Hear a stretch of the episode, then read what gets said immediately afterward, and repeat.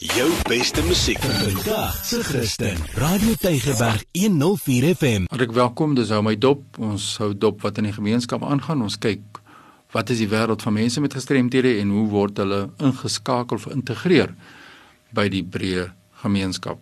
Nou, integrasie is 'n breë proses, maar wat ons eintlik soek is nie gelykheid nie, maar ons soek gelyke geleenthede. Gelykheid op 'n wyse dat gelyke geleenthede werklik gegee word of gebied word aan mense met gestremthede. Ek het 'n brief ontvang vir die program gesels oor die nasionale raad van en vir persone met gestremthede.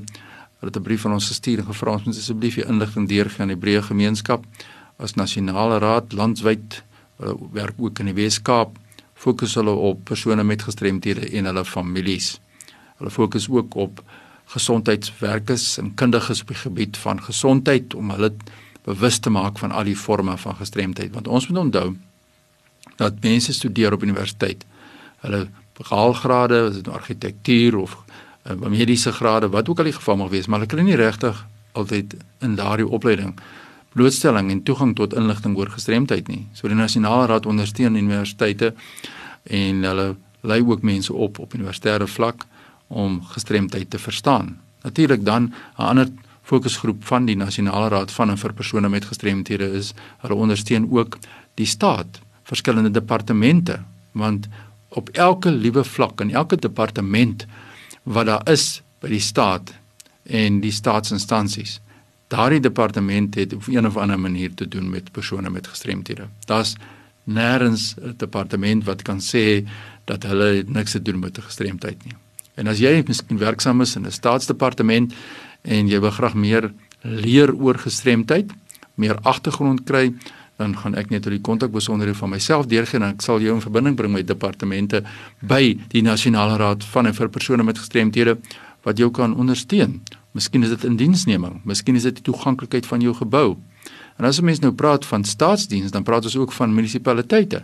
Daar is baie werksamehede binne munisipaliteite en daar's nie een afdeling in die munisipaliteit wat kan sê maar ek sal nooit in kontak kom met persone met 'n gestremdheid nie. Ek sal nooit 'n persoon met 'n gestremdheid beter moet verstaan nie. Maar die vraag is, verstaan jy die verskillende forme van gestremdheid? Verstaan wat jy wat is die verskil tussen iemand wat blind gebore is en iemand wat ewe skielik later in sy lewe blind word of iemand wat nie heeltemal blind is nie, maar wat se gestremd is. Wat is die verskil? Die behoeftes is hulle by jou in, die kantoor aankom.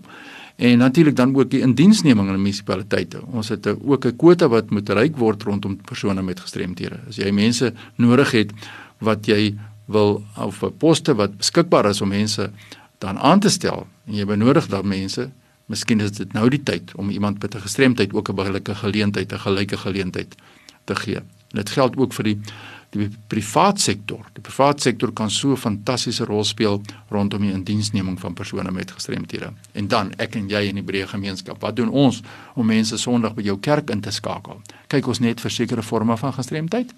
Kyk ons net sekere aspekte rondom mobiliteit, maar ons vergeet skoon van die persoon wat blind is en die persoon wat doof is die persoon wat ander forme van gestremdheid is nie. Wat is hulle behoefte tot die geloofsgemeenskap? Wat het hulle Sondag in die kerk nodig wat jy en ek miskien nie eers van bewus is nie?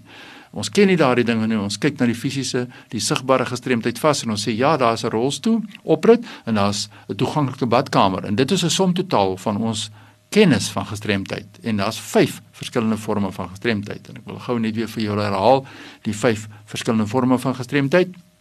Sê die nasionale raad jy kry jou fisiese gestremdheid wat sigbaar is.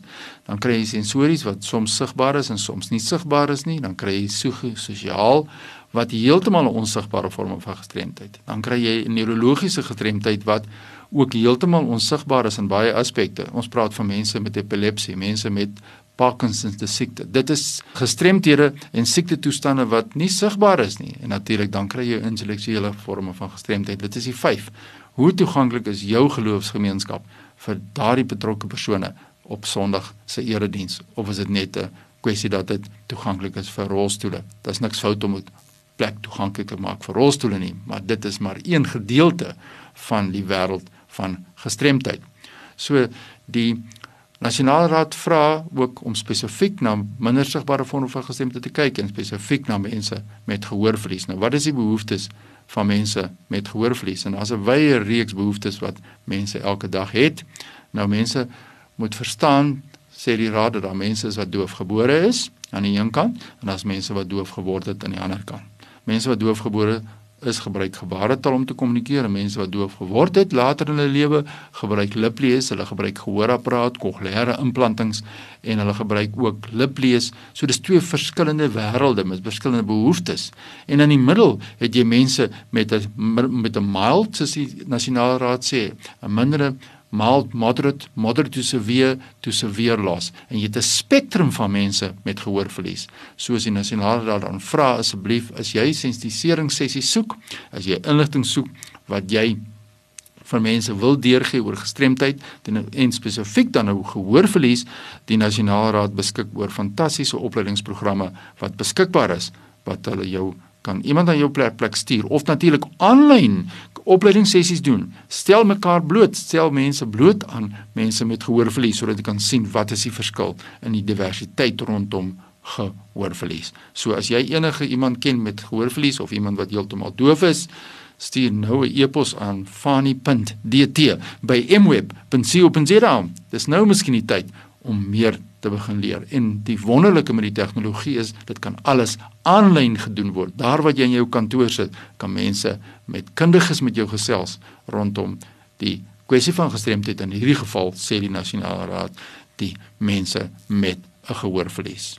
My e-pos net weer swani.dt by mweb.co.za. Groetens tot volgende keer. Jou beste musiek vir vandag se Christen. Radio Tygerberg 104 FM.